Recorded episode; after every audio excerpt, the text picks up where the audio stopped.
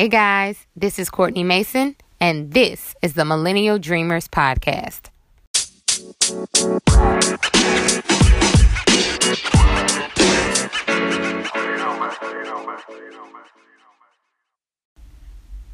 Hey, friend. If you're listening to this, it is the start of October 2018, and ordinarily I would check in with you on how far you've gotten with your goals, but today's podcast episode is much different and it's very brief. Why? Because it's 2 a.m. and I just touched down in Thailand. So, my message to you today is on the importance of disconnecting. There's this quote by an American writer named Anne Lamott that I really love, and it, she says, Almost everything will work again if you unplug it for a few moments, including you.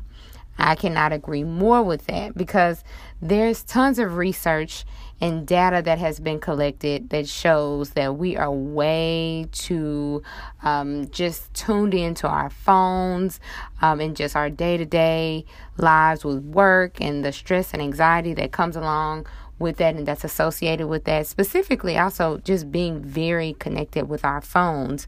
Um, research shows that one in four people check their phones about 30 every 30 minutes, and one in three people check their phones every 10 minutes. So we always have our phones, we're always on, we're always looking at emails, news articles, social media, everything. So, what are some ways that you can disconnect just from your phone? Because if we're honest, we're all becoming phone addicts. You can disconnect from your phone by of um, first avoid getting on your phone first thing in the morning and right before you go to bed at night.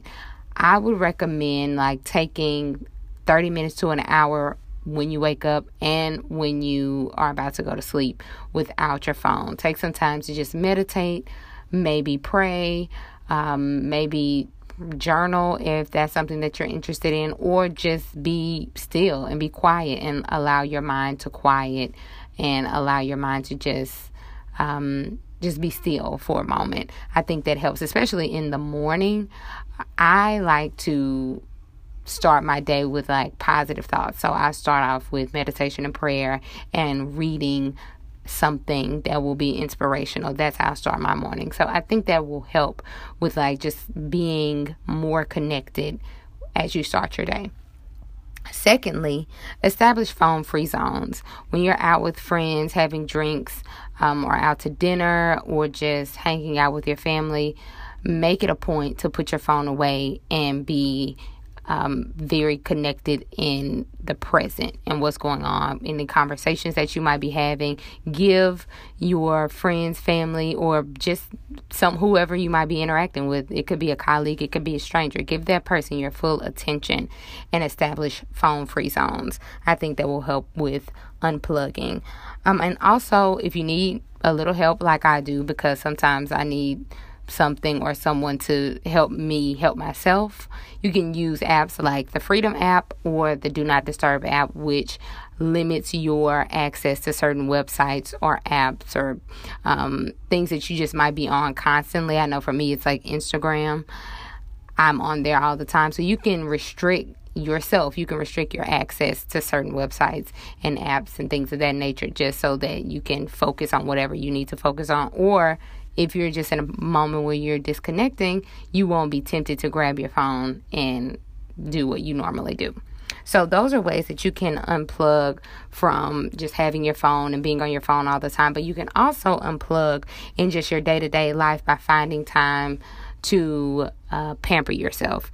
Um, you can find self care is very, very big, and, and it's something that I'm an advocate for. So I always say find some time for yourself, whether it's just taking a walk by yourself at lunch.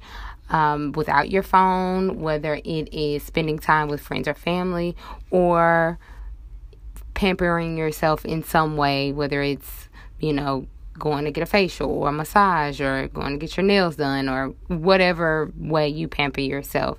Find some time to do that. And also, if you can, take a vacation near or far, which is what I'm currently doing and why I am in Thailand. So, I just wanted to make this one extremely brief because, again, I'm practicing what I'm preaching and I'm taking some time to unplug and I will be, you know, seeing all what Bangkok has to offer tomorrow. So, with that said, I hope you have a fantastic start to your week and you find some time to recharge, rejuvenate, and uh, it'll help with your focus and just getting very clear on what's important and things that you want to do going forward. So, without further ado, I'm out. Peace.